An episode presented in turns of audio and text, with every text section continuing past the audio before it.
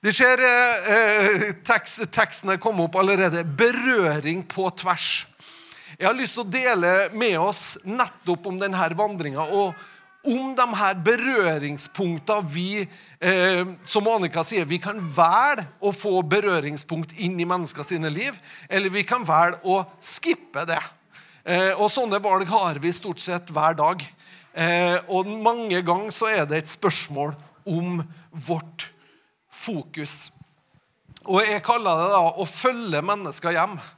Jeg tror at mange ganger så, så handler det om å gå sammen med folk og være til stede når folk på en måte trenger det, og det å kunne bare kunne følge dem hjem, rett og slett.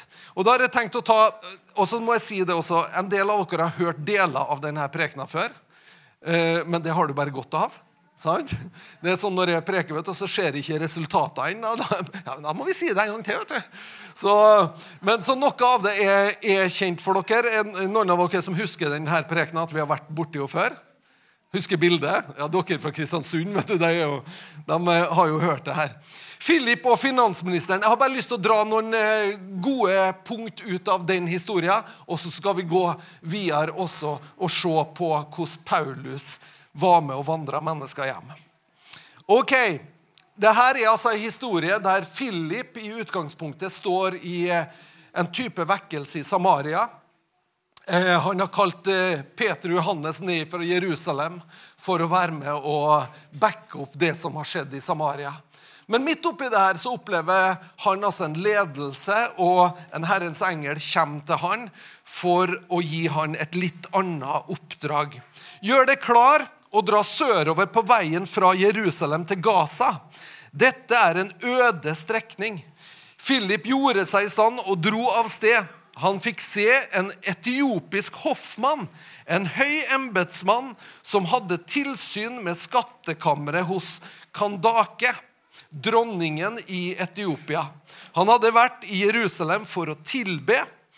Nå var han på vei hjem og satt i vognen sin og leste fra profeten Jesajas. Så her har vi en, eh, en embetsmann som har hånd om skattkammeret. Da leser jeg ut av det at det var finansministeren i Etiopia.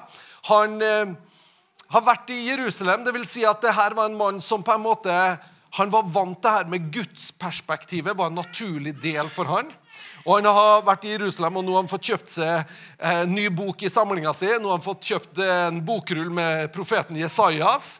Alle var så ivrige at på tur hjem så han allerede begynte å lese. Så her kan du si, her er en som på en måte et menneske som ikke er veldig langt borte fra tro, eller han har faktisk ei etablert gudstro. Men det her med Jesus har han ennå ikke opplevd. ikke sant? Det vil si at dette er et menneske som på mange måter er godt på vei inn i det å kunne ta imot Jesus. Og jeg har lyst til at vi skal ta med den tanken, for at mennesker er på så forskjellig plass i forhold til det her.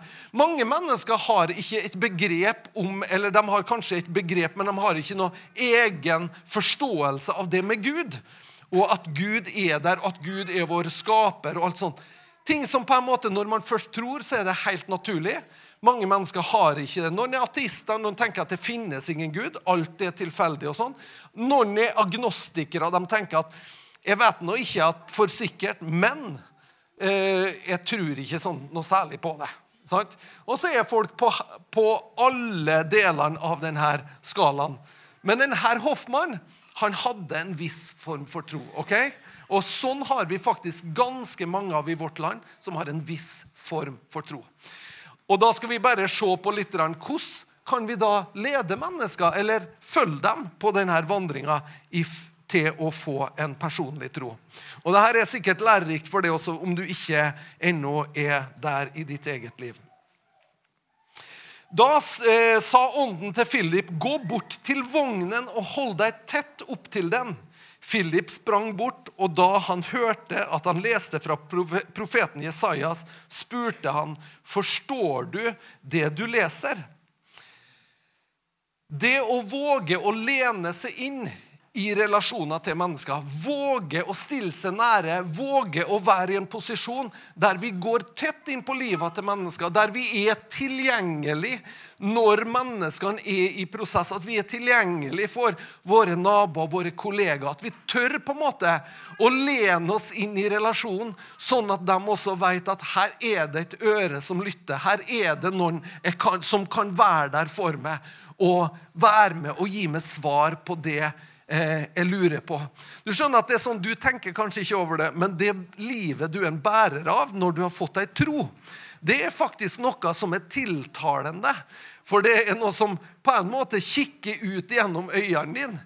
Eh, og som mennesker rundt deg faktisk er veldig eh, interessert i å høre noe av. Men mange ganger er det sånn at vi våger ikke da helt å lene oss inn. Men jeg har bare lyst til å oppmuntre. Le, våg å lene deg inn. Len deg inn i relasjoner. Våg å være der. Våg å stille det tilgjengelig. Og det handler det her om. Han leser fra Jesajas, og, har, og så har du det her på en måte Forstår du det du leser? Når du først er kommet nære innpå folk, så kan du høre hva som opptar dem. Hva er det som rører seg?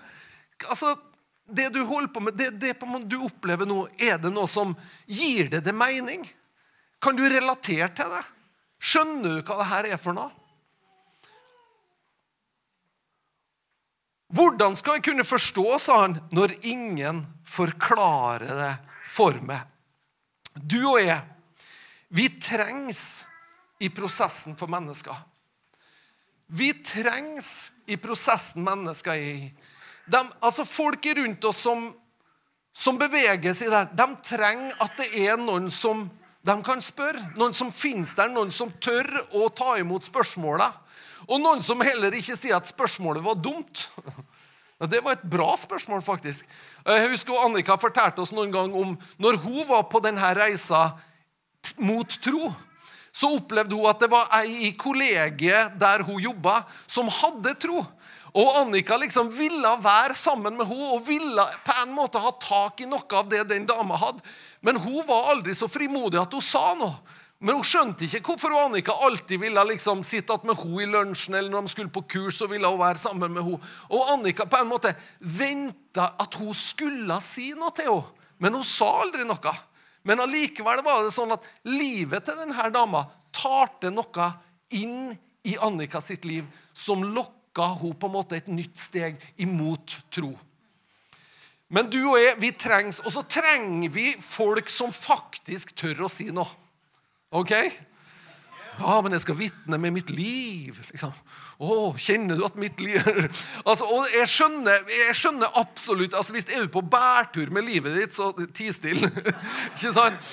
Men hvis det er sånn at altså, Vi må noen gang også våge å, å åpne munnen og si noe om hva det her faktisk betyr for oss hva det her gjør med mitt liv. Altså det er klart at, vet du, jeg er sånn at jeg, jeg lengter etter at mennesker skal oppdage rikdommen i det som jeg tror på. Jeg tenker at Hvis, har, hvis folk bare har skjønt det, da har de jo Wow! Mener du det? Er det sånn? Ja, det er akkurat sånn det er. Ikke sant? Så vi trenger å tore å åpne munnen og si noe. Og så ba han Philip om å komme opp i vogna og sette seg ved sida av ham. Og det her trenger vi å bli flinkere på. Det å ta andre mennesker sitt perspektiv. Det å våge å klatre opp i vogna til noen, klatre inn i livet til andre mennesker og spørre deg sjøl for hvordan ser det her livet ut ifra mitt perspektiv, ifra mitt ståsted? Hvordan ser det ut ifra meg? Så kan vi klatre opp i vogna så kan vi si hvordan ser Jesus ut herifra? Om du er, om du er, hvordan ser Jesus ut om man er muslim? Hvordan ser Jesus ut fra det perspektivet?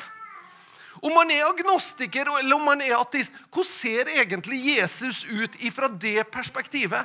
For så ofte så er vi troende. Vi, vi blir på en måte stående fra vårt eget perspektiv. Og så roper vi til folk som har andre perspektiv. Og så sier vi 'Hallo! Hei, du! Hei, du, din dust!' Altså, Vi sier jo ikke det, da, selvfølgelig. Men, men på en måte så er det det vi altså, på en måte, 'Hallo! Det er her du skulle ha stått.' Du burde hatt det her perspektivet på livet. skjønner du? Og så evner vi ikke å kommunisere, så blir det en diskommunikasjon i stedet for at det blir en kommunikasjon. For at du og jeg, vi må våge å ta andres perspektiv. Se hvordan, ok, hvordan ser det ut herifra. Vær litt nysgjerrig på det. Hvordan, ja, men du, Fortell meg. Du vet, Jeg er jo en sånn troende. Men hva tenker du, da? Hvordan, hvordan skjer det rundt altså der du er? Hvordan ser det ut der? Altså, Tør vi å ta den? Det kan i hvert fall være et godt tips. At vi gjør sånn som han klatrer opp i vogna. Aldri vært i vogna. I dag vil jeg det liksom hoppe inn i limousinen. Det er liksom eh, tolka til hoppe inn i, Ja, Hvordan ser livet ut ifra en, liksom innom en limousin? Det kan vært spennende. Ikke sant? Hvordan ser Jesus ut? Blir Jesus, tror du Jesus, Når du sitter i en limousin, tror du Jesus blir litt stusslig? At Jesus ser ikke stusslig ut ifra en limousin. eller han? Han ser liksom Wow! Det her er jo bare stæsj, men han gjør noe på innsida. Wow! Ikke sant? Så vi kan våge å ta andre menneskers perspektiv. Hoffmann sa til Philip, si meg, hvem er det profeten taler om her? Er det om seg sjøl eller om en annen? Og da har jeg skrevet at vi trengs i menneskers liv, og vi må våge å vente inn spørsmålet. Vent inn de spørsmåla som mennesker bærer på. Vent inn de spørsmåla. Og de trenger at det er noen der som spørsmåla kan rettes imot. Ut ifra dette spørsmålet så deler Philip evangeliet om Jesus Kristus med denne hoffmannen. Denne hoffmannen han tar imot, han blir berørt, han blir døpt.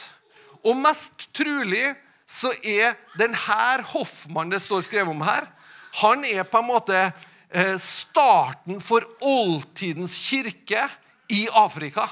Denne hoffmannen. Det er ganske stilig. Hæ? I ødemarken på vei fra Jerusalem til Gaza. Der skjer det noe som er så, så viktig. Men det var fordi at det var noen der som kunne være med i prosessen, som var der og venta inn når det store spørsmålet kom. Og Jeg skal ikke gå inn i den der, da. Jeg har så mye. Men jeg har bare lyst å, å, å, bare summere opp så langt. da. Len det inn. Len det inn i relasjoner. Ikke vær redd for relasjoner, ikke vær redd for mennesker. Ikke vær redd, men våg å lene det inn. Vær der for mennesker. Og når du er der, så må du vite at du trengs i deres prosess. Du er faktisk viktig. I menneskers prosess så er du en viktig brikke. Så kan vi våge Vi tenker på at noen vanna, noen sådde. ikke sant? Og Gud er den som gir vekst. Så Gud er på en måte der å løfte fram det vi er med. Ta andres perspektiv og vent inn spørsmålet. Jeg hadde en episode her nå forrige helg. Jeg og Annika vi var på Oppdal og, og preka på søndags formiddag i, i en menighet som heter Oppdal kristne senter. Og så hadde de spandert på oss et hotellrom på Skifer hotell. Eh, det er der du sover steingodt. Så så det var jo fint da. Og, men der hadde de altså ei, ei, ei badstue, og vi gikk liksom velværesenter og badstue, og vi tenkte at det skal vi kjøre på ettermiddagen en gang. Men så ble det ikke det før litt utpå kvelden vi gikk i badstua og, og satte oss der, og steambadstue og altfor varmt og klamt og tjo og hei. sant? Og så, men så går vi inn i den vanlige badstua, og så plutselig kommer det et, et, et, et eh, annet ektepar inn eh, og setter seg ned sammen oss. Så begynner vi å prate med dem. Og så er det jo eh, Ja, så går praten, og etter hvert så kommer på en måte spørsmålet. Altså Bare at man er der, og så plutselig så kommer spørsmålet.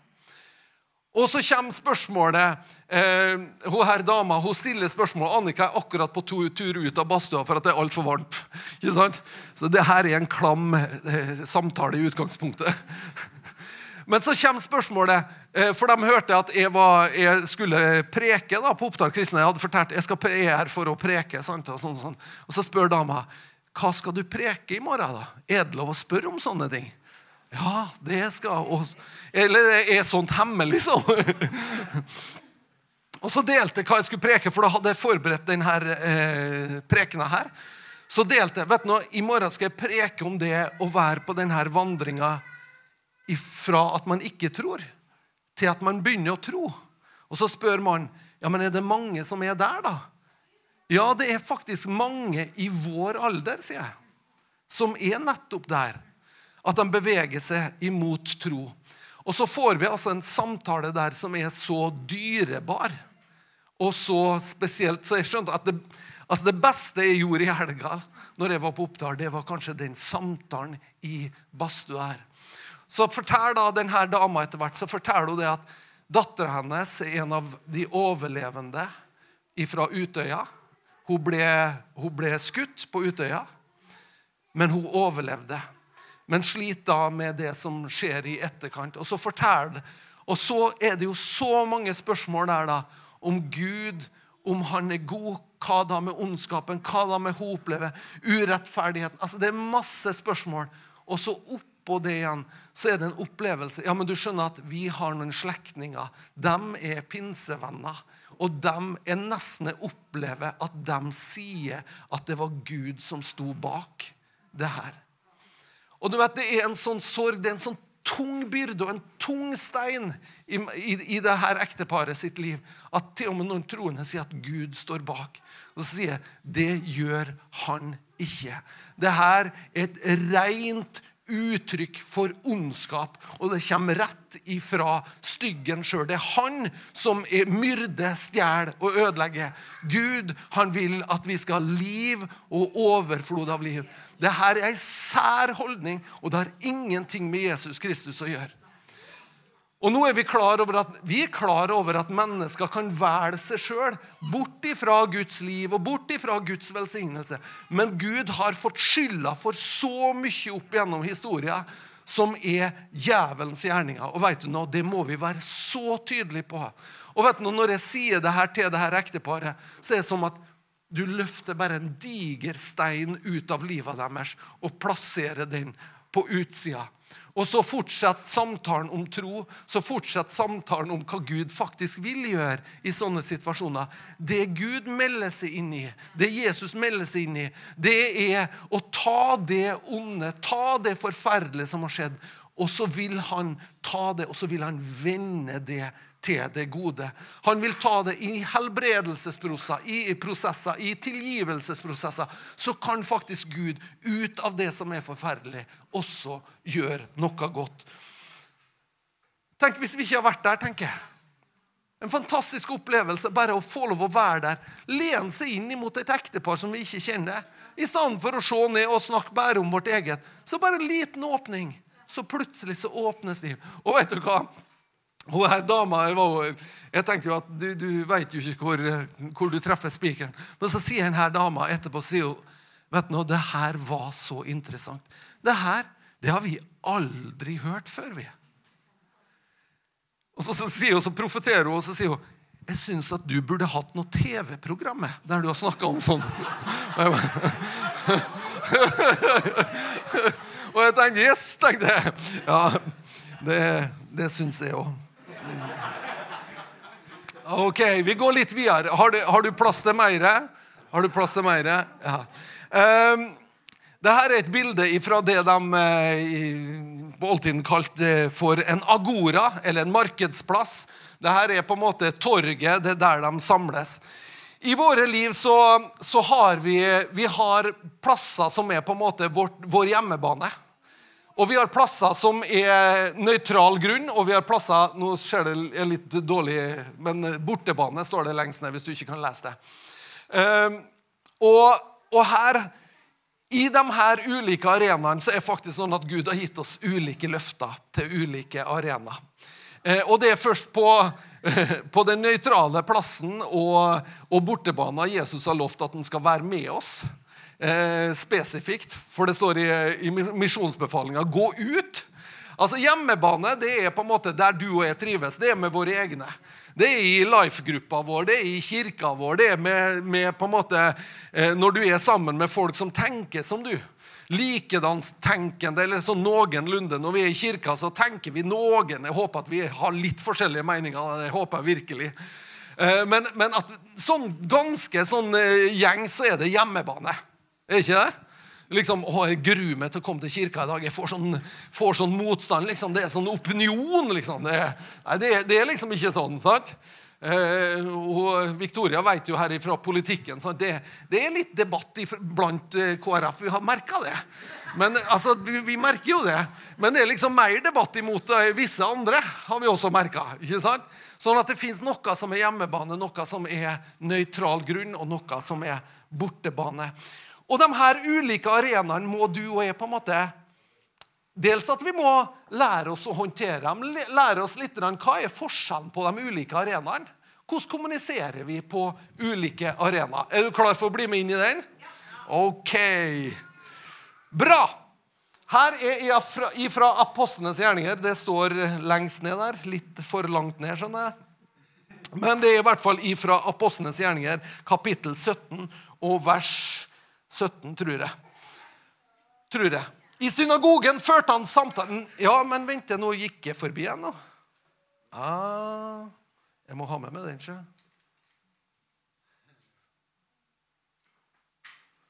Jeg har gått forbi en. Beklager, men da tar jeg bare og siterer den.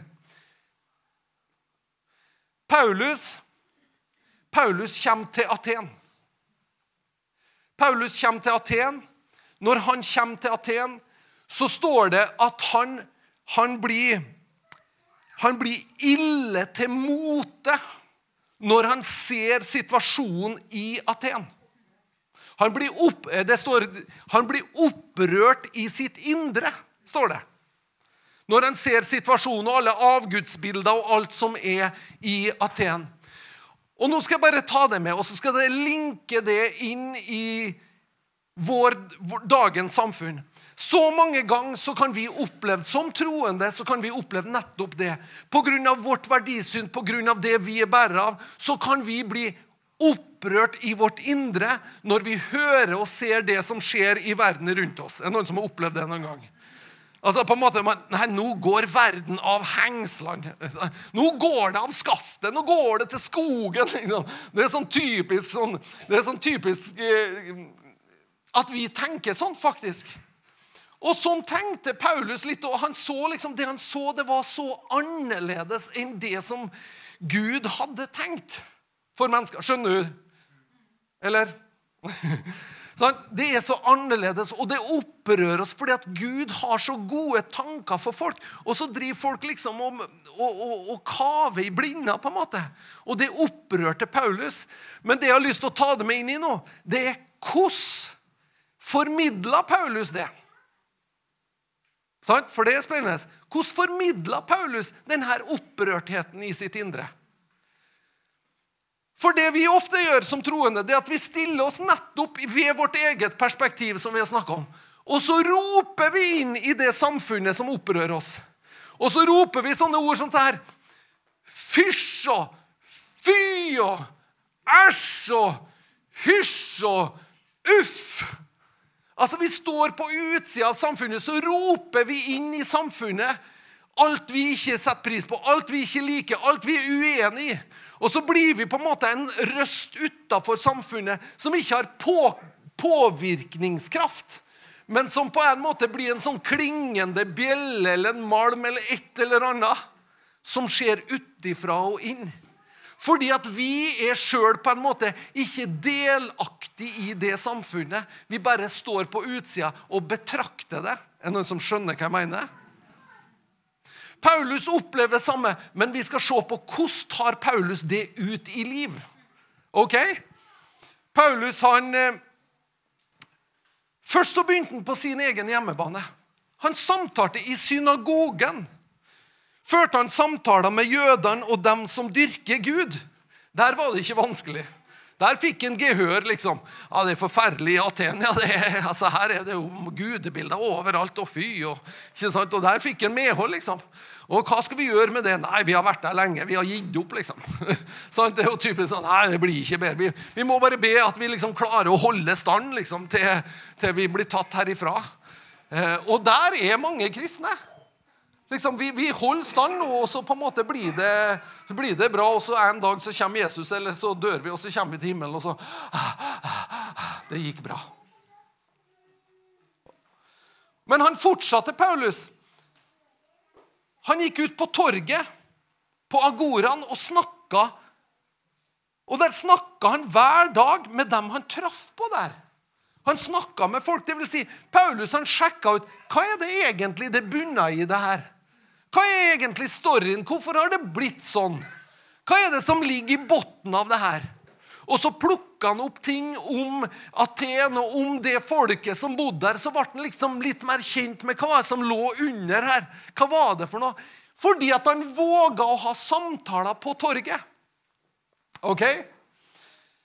Noen av de epikereiske og stoiske filosofene diskuterte også med ham, og noen sa, 'Hva er det egentlig denne pratmakeren har å si?' Men andre mente han er visst en som forkynner fremmede guder. Det er fordi han forkynte evangeliet om Jesus og oppstandelsen. Så her har han samtaler, han prater litt rundt med folk, han sjekker hvordan tar de imot budskapet her. ok? Da tok han, de ham med seg og førte ham til agoraen og sa Nei, til Areopagos. Den der, altså, jeg bruker å kjøre meg fast på den der. Jeg skal ta den liksom Areopagos! Der har vi den, vet du. Og det er noe når du, når du våger å bevege det ute blant folk, når du våger å bevege det på agoraen, da plutselig kommer også åpninga til Reopagos. Da kommer åpningene, kommer mulighetene. Og det her er skikkelig bortebane, folkens. Det her er, her er, er du skikk, Ikke bare du vet at du liksom Her veies hvert ord jeg sier, altså, men her du bare tenker at når du står på denne plassen, så tenker du at hvis ikke Den hellige ånd gir meg ord nå, så er det kjørt. Sant? Men det er nettopp da du inviteres inn på arena der du i utgangspunktet så er du ikke hjemme. Du er skikkelig på bortebane. Og for, for dere som er interessert i fotball, så vet du jo her. Jeg havna på, jeg havna Et år så havna jeg på eh, cupkamp mellom Chelsea og Manchester United på Stanford Bridge i London. Det er altså Chelsea sin hjemmebane, og Ole Gunnar Solskjær var med og spilte. Og jeg gledde meg, skulle på kamp, og satt, vet du, og, og liksom det skjedde noe bra, og ManU gjorde noe bra, og jeg vet du, wow! Helt til jeg skjønte at jeg var jo på jeg var jo på Manchesters bortebane. 20 sinte blikk. sant? Jeg sitter midt oppi Chelsea-svingen. vet du. 20 sinte. Og jeg var stille resten av den kampen. Ikke sant? For at jeg var på bortebane. ikke sant? Det var bare, Oi, jeg sa noe feil. Ikke sant? Det å spille på bortebane det er noe helt annet. For det er en helt annen på en måte dynamikk. Men jeg bare vil si det.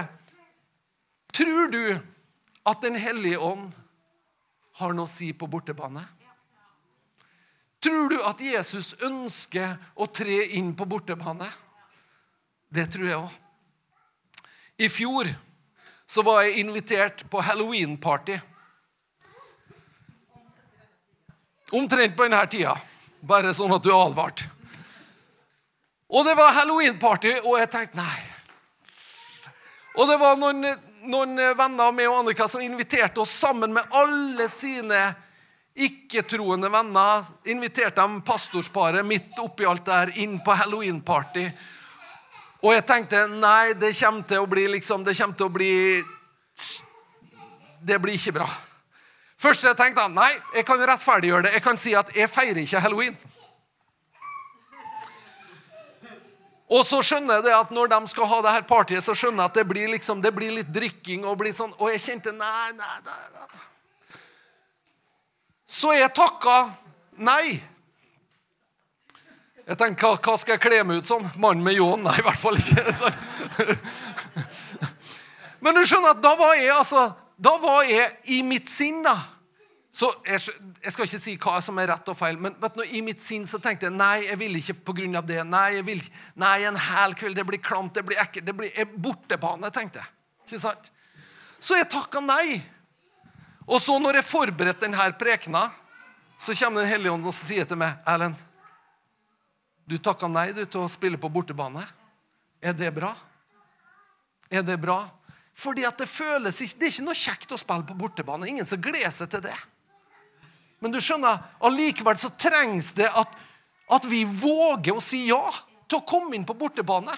Og det er når vi våger det, det er da også at Den hellige ånd kan gi oss ord. Det er da det står at 'han skal kviskre dere ord i øret'. står det. Og gi dere det de skal si. Så jeg takka nei, og så sa jeg det når jeg preka der, for jeg delte her på Oppdal. Så sa jeg og nå vil jeg gjerne ha en revansj på den. Jeg vil på, jeg vil på halloweenfest. Og så sa jeg det i Kristiansund også.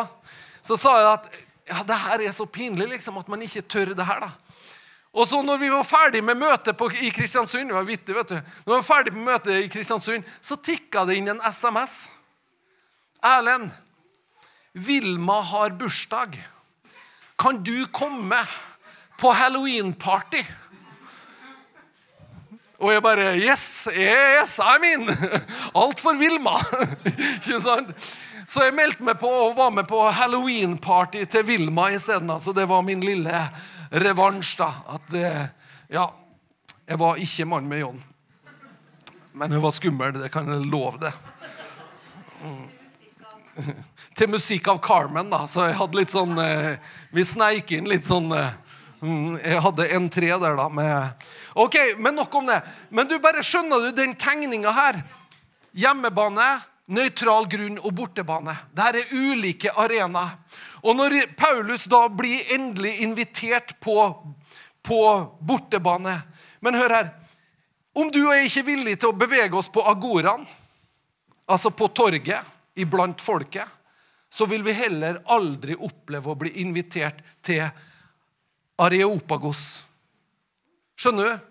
Altså, vi være, hvis vi sitter i våre koselige, fine, snille, søte, pene, pyntelige kirker og ikke beveger oss ute iblant folk, så kommer vi heller aldri til å inviteres inn på bortebane der Den hellige ånd også ønsker å tale. Skjønner du? Ingen agora, ingen aeropagos. Så vi trenger å si til hverandre ja, men vi er villige til agoraen. Hør her. Om Gud gir oss den muligheten som ligger foran oss i Elnesvågen sentrum, så kommer vi til å bygge ei kirke rett ved agoraen. Da kommer faktisk det agoraen til å være i vårt eget hus. Det kommer til å være masse folk med ulik ståsted. Vi putter menigheter istedenfor at vi tenker om kirka at den skal være trygt litt på avstand for oss sjøl. Her kan vi dyrke vår Gud, her kan vi dyrke vår tro. Her kan vi på en måte være trygt og godt for oss sjøl. Så sier vi nei, men vi er villige faktisk til at du, Gud, planter oss midt i agoraen. Midt på torget, midt iblant folk, midt der det skjer. Jeg snakka med en prest i, eh, i eh, Stjørdal. I Stjørdal så har på en måte Den norske kirke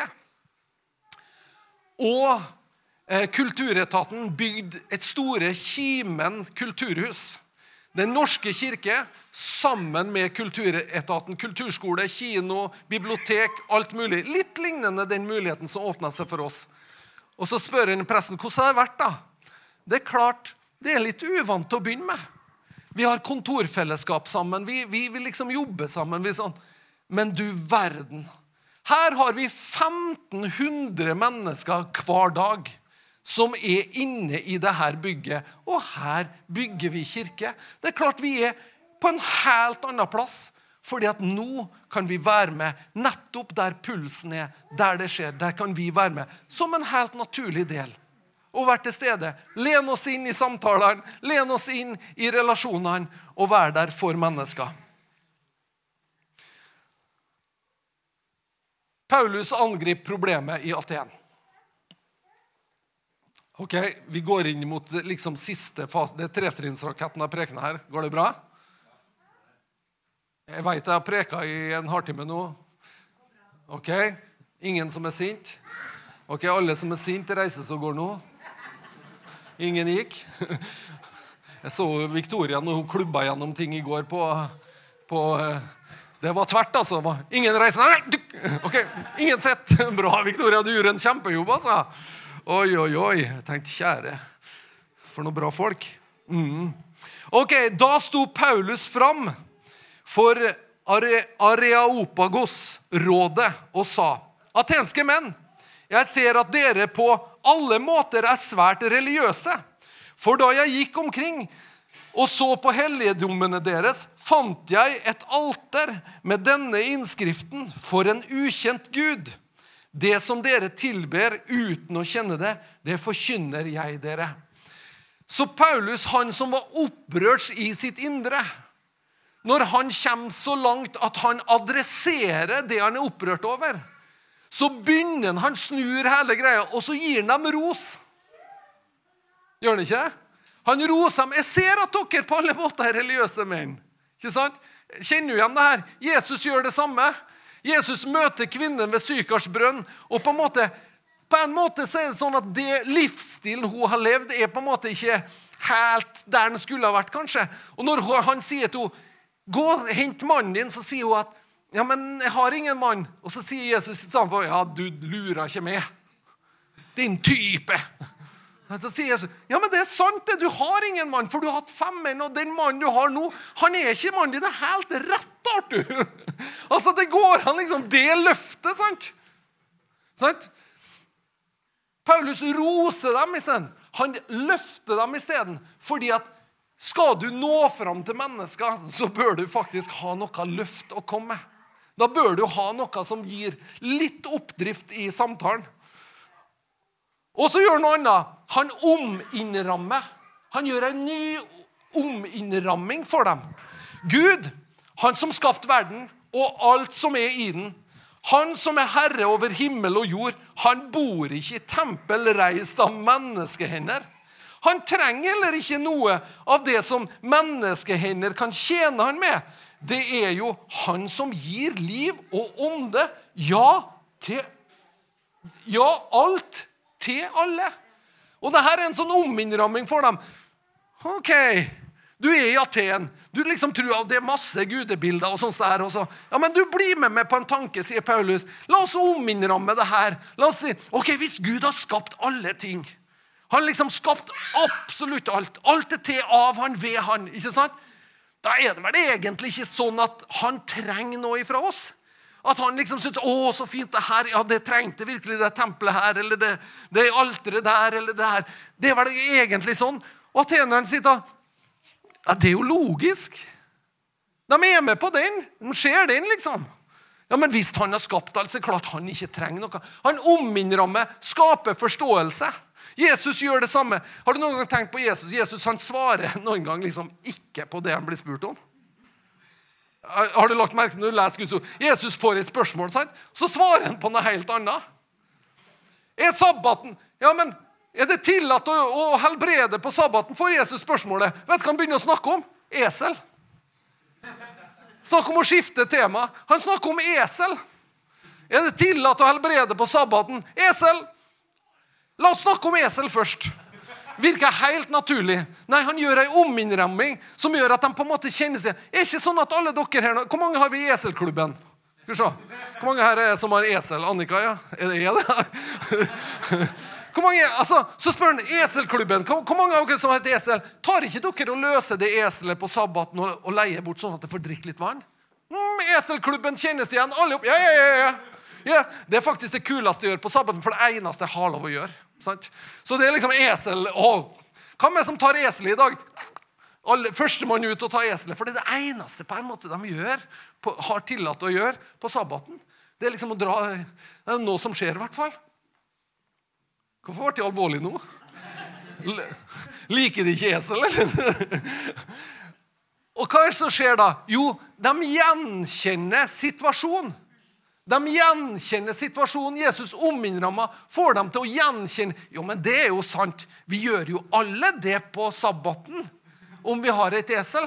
Så sier Jesus, men du, han her er en Abrahams sønn. Skulle ikke da være rett å løse han på sabbaten? Er det så feil? Og da er plutselig alle på samme side, og så sier han nei, det kan jo ikke være feil. Ikke sant? En enkel ominnramming for å få dem til å forstå at det er ikke bare sånn, men sånn kan det faktisk være. Ikke sant? Det er ikke sånn at Gud trenger masse tempel og masse greier her i Aten. Egentlig så trenger han ikke noe av det her. Sant? Paulus har med seg atenerne etter ei enkel ominnramming. og så inkluderer han dem. Dette er kjempeviktig. Han inkluderer. Rose, ominnramme og inkludere. Så mange ganger så er, har vi et budskap som sier oss og dem. Jeg er her, du er der. Innafor, utafor. For vi ser på en måte verden litt i svart-hvitt. Og verden, noen ganger så kan verden være litt svart-hvitt. Men det som er helt sikkert, er at er, er Guds kjærlighet inkluderer eller ekskludere den. Han inkluderte meg. Han inkluderte meg. Og så tar Paulus og så inkluderer han dem her. Av ett menneske har han skapt alle folkeslag. Han lot dem bo over hele jorda. Ehm, og han satte faste tider for dem og bestemte grenser for deres område. Dette gjorde han for at de skulle søke Gud. Om de kanskje kunne lete seg fram for å finne en. Han er jo ikke langt borte ifra en eneste en av oss. Gud er ikke langt borte ifra en eneste en av oss. Han er nær alle mennesker. Jeg vet ikke om de husker Stefan Kristiansen hadde denne sangen. God is just one prayer away. Så nær er Gud alle mennesker. Han er nær oss mennesker. For det er Han for det er i Han vi lever og beveger oss og er til. Som også noen av deres diktere har sagt. For vi er hans slekt. Ikke sant? Så Paulus inkluderer atenerne. Og så til slutt så leverer Paulus sitt budskap til dem. Fordi altså Gud eh, Fordi vi altså er Guds slekt, må vi ikke tenke at guddommen ligner et bilde av gull eller sølv eller stein. Dette er det han var opprørt over. Ser du det? Nå kommer det han var opprørt over. Nå leverer han budskapet sitt. Men først har han rosa dem, han har ominnramma, han har inkludert dem i en større tanke. Og så kommer han og så adresserer han. Guddommen ligner et bilde på gull eller sølv eller stein, form av menneske, menneskets kunst eller tanke. Disse tidene med uvitenhet har Gud båret over med. Men nå befaler han at alle mennesker, hvor de enn er, at de må vende om, for han har fastsatt en dag da han skal dømme verden med rettferd ved en mann han har utpekt til dette. Det har han bekrefta for alle mennesker ved å reise han opp ifra de døde.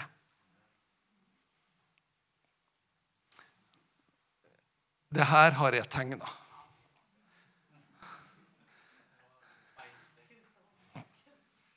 Det her hadde vi i kunst og håndverket. Nå ser det litt sånn utydelig, men lengst mot meg her nå så står det minus 10. Og midt på så står det null, og så står det pluss 10 lengst bort. Det her er hvor mennesker befinner seg. Nå, det her er en enkel skala, men det her ønsker jeg bare å ha i tanken. Mennesker på vandring imot tro. Hvor er mennesker når vi ønsker å følge dem hjem til far? Når Noen er kanskje på minus ti. For, de på, altså det betyr ikke at de er liksom negative som mennesker, men det her bare i forhold til tro. ok? Så det her er ingen rangering av mennesker, men det her er på en måte i forhold til tro. Så de kanskje er på minus ti, er ikke-troende, er ateist. Jeg tror rett og slett Det her kjøper ikke. Og så har de på null. På null det er da vi tar imot Jesus. Det er da vi på en måte jeg tar imot Jesus i mitt liv. Da blir jeg frelst, da blir jeg født på ny. Da skjer det. Da tar jeg steget over. Jeg hadde ei dame, ei fin dame i Kristiansund hun, som, som var i, i miljøet der eh, over lengre tid, kanskje i det kristne miljøet. Hun bevegde seg i to år før hun sa at nå tok, tok jeg steget over. Og vet du hvordan hun beskrev Det Det føltes som å gå over et piggtrådgjerde. Det er liksom noe som er så det er, en, det er, et steg altså, når du går, når du kommer til null og du liksom sier at nei, nå er det ikke lenger bare jeg som menneske, men nå er det Gud som flytter inn. Og, og så har vi plusstid. Der har du liksom apostelen Paulus. og og der, der er du fullt ferdig, liksom. Og Når jeg snakker om det her i dag, nå, så er det så ofte at vi er kanskje, kanskje vi er på vi er jo, altså Mange av dere vet jo at de er langt over. De er på tolv. sant? Men for meg, da, som er på kanskje, si at det er på pluss fem-seks, eller noe sånt, sant? at jeg har skjønt litt Men det er så lett at vi står da på pluss fem, og så roper vi over til dem som er på minus ni. 'Hallo, kom hit! Du burde jo være her! Kom hit, Du, burde, du, skulle blitt frelst helst i går!' Så kommuniserer vi ikke med mennesker ut ifra hvor de er, ut ifra deres perspektiv, men vi kommuniserer ut ifra hvor vi er. Og det er det vi snakker om i dag. Det er på en måte, Hvordan kan vi gå opp til dem som er på minus ti, og så kan vi gå en stund sammen med dem, sånn at de sier med seg sjøl at du er kanskje ikke ateist, men agnostiker. Jeg har tatt et steg. Jeg er på minus ni isteden. Eller hvordan er det med dem som på en måte var på minus fire? Jeg tror kanskje det fins men, men liksom det er, er, er mer hinduistisk, altså. Istedenfor at vi blir redd og skygger samtalen. da. Hvordan kan vi gå dem imot fra minus fire til minus tre? da? Skjønner du? Og vi feirer på en måte når mennesker kommer på null. Da feirer vi oh, da blir party i kirka. Og, ikke sant? Men egentlig så er det jo faktisk sånn at det å ta et steg imot tro, ta et steg, det er faktisk noe man bør feire. Når et menneske nærmer seg Nei, men jeg er ikke helt der, altså. Men, ja, men så flott at du er der du er, da. Så flott at du kommer dit, og troa kommer, og forkynnelsen, det vi hører, det går ned. Vi projiserer det, og så skapes det noe på innsida som faktisk heter tro. Og så så jeg Jeg var på en eh, Jeg skal avslutte med det her nå. Jeg var på en, eh, en jeg må si en fantastisk begravelse. Veldig trist, men fantastisk i alle fall, i Kristiansund. Dette er Nordmørskatedralen, Kirkelandet kirke. Jeg vet ikke om du kan slå av noe lys der, eh, bare på den, sånn at vi, vi Bakom der nå så tror jeg vi kan slå av den tror, Der, ja. Hvis du slår av den, så tror jeg at Det var ikke sikkert det ble så mye lys da. Men det her er Kirkelandet kirke. Og hvis du ser det her glassveggen i bakkant, så illustrerer den egentlig det som jeg har preka om i dag. Den glassveggen i bakkant den går opp. Du ser alle, alle vinduene der. Opp imot bjelkelaget. Over bjelkelaget der ser du delvis, men du klarer ikke å se alt som er over bjelkelaget, før du er der sjøl, faktisk. Du må opp for å se det. Det fins så mange ting i troa man ikke fullt ut kan forstå før man sjøl er der. Ikke sant? Men hvis du ser det som er på minussida, for her har du faktisk fra minus 10 og opp til der du møter bjelkelaget, da er du på minus 1. Da tar du steget gjennom. Da åpner verden seg på en helt annen måte. Men hva er det som skjer på minus sju, da? Du ser her er det I et menneskes liv så er det enkelte lyspunkt. ser du det? Enkelte, det fins opplevelser i et menneskes liv som er gudgitte opplevelser. Men det fører ikke et menneske helt opp til null. Men det fører et menneske et steg nærmere. I et menneskes historie så fins det kanskje den lyseblå en ganske langt ned. Kanskje det er ei bestemor som ber. Eller kanskje det er et TV-program du så. Kanskje det er noe som gjorde at du begynte å tenke. Jeg vet, Den bibelske figuren Jakob han har en sånn opplevelse. Han rømte ifra sin egen bror. Og Så la han til å se til å sove på en stein, og så opplevde han at Gud var der. Han så engler gikk opp og ned. Det var en sterk opplevelse i Jakobs liv, men den forandra ikke livet hans. Han fortsatte som den samme luringen han var før, men han hadde med i historien sin som en opplevelse, en erfaring av noe som var mer enn han har opplevd før. Ikke sant? Og Så gikk det lang tid før Jakob faktisk kom dit. Han møtte Gud igjen. Han kjempa med Gud. Og da ble det forandring i livet hans. Da ble han prega av gudsmøtet. Da kom han over på plussida. Ikke sant? Og sånn nettopp, Det er akkurat det vi trenger også. Å ha tålmodighet med mennesker, sånn at de kan få lov å ta de her stegene. Så kan vi gå attmed folk. Så kan vi oppmuntre underveis. Så trenger ikke vi, jeg vet ikke, Det er mange vet du, som vi ber for våre Du kanskje ber for de, våre, våre barn og ungdommer. og sånn, så Vi ber at de skal lære å kjenne Gud. Og, Og så blir de med på noe, så plutselig opplever de noe, og så tenker vi yes, yes, men nei. Nei. Skjønner du? At vi på en måte vi ser det var en, en berøring, men det var ikke nok. Og så mister vi litt motet. Men heller tenk, men det var, det var en viktig opplevelse. Sjøl var jeg sånn når jeg var 19 år, jeg var russepresident på Tingvoll. Jeg lurte om mamma. Hun sendte meg på vinterleir på Imistølen. Jeg var med på ei korssamling på den vinterleiren. De ba for meg. Og jeg opplevde at Den hellige ånd berører meg. Jeg, har, jeg, jeg tror at det fins en Gud, men jeg tror ikke personlig på Jesus Kristus. Men det blir en opplevelse som jeg tar med meg. Den opplevelsen på den korssamlinga den førte ikke meg over. Den vippa ikke meg over. Men det var et lyspunkt på veien min som det var noen som våga å si Erlend, får vi be for det? Kan vi få lov til det? Når jeg så tilbake et halvt år seinere, så så jeg tilbake på det jeg hadde opplevd det halve året som russepresident. Og jeg visste det var mye fliring, det var mye herjing, det var mye Ikke sant? Men så var det én ting, det var én opplevelse som sto sterkere enn alle andre opplevelser.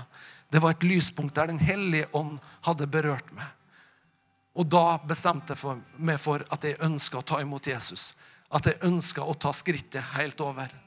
Når vi vandrer mennesker hjem, skal vi aldri se lite på de opplevelsene, de samtalene som skapes, det rommet som skapes, de åpningene som er der. Om det ikke fører helt fram, så er det berøringspunkt som beveger mennesker i forhold til å vandre hjem til Gud.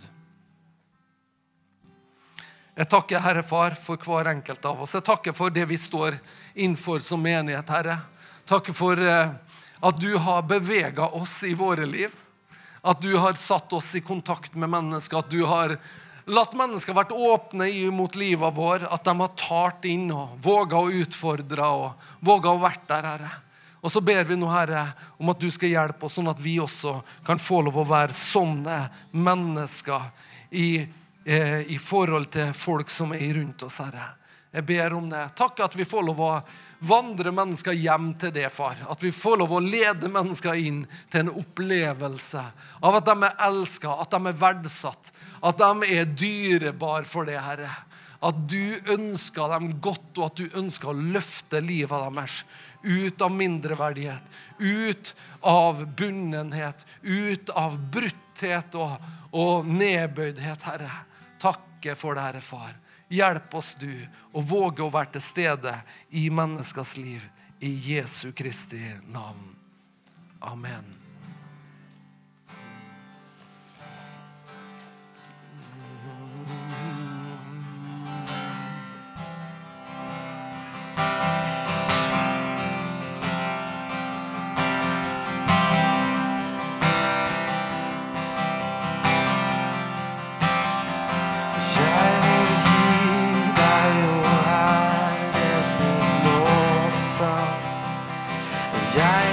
takke deg mer.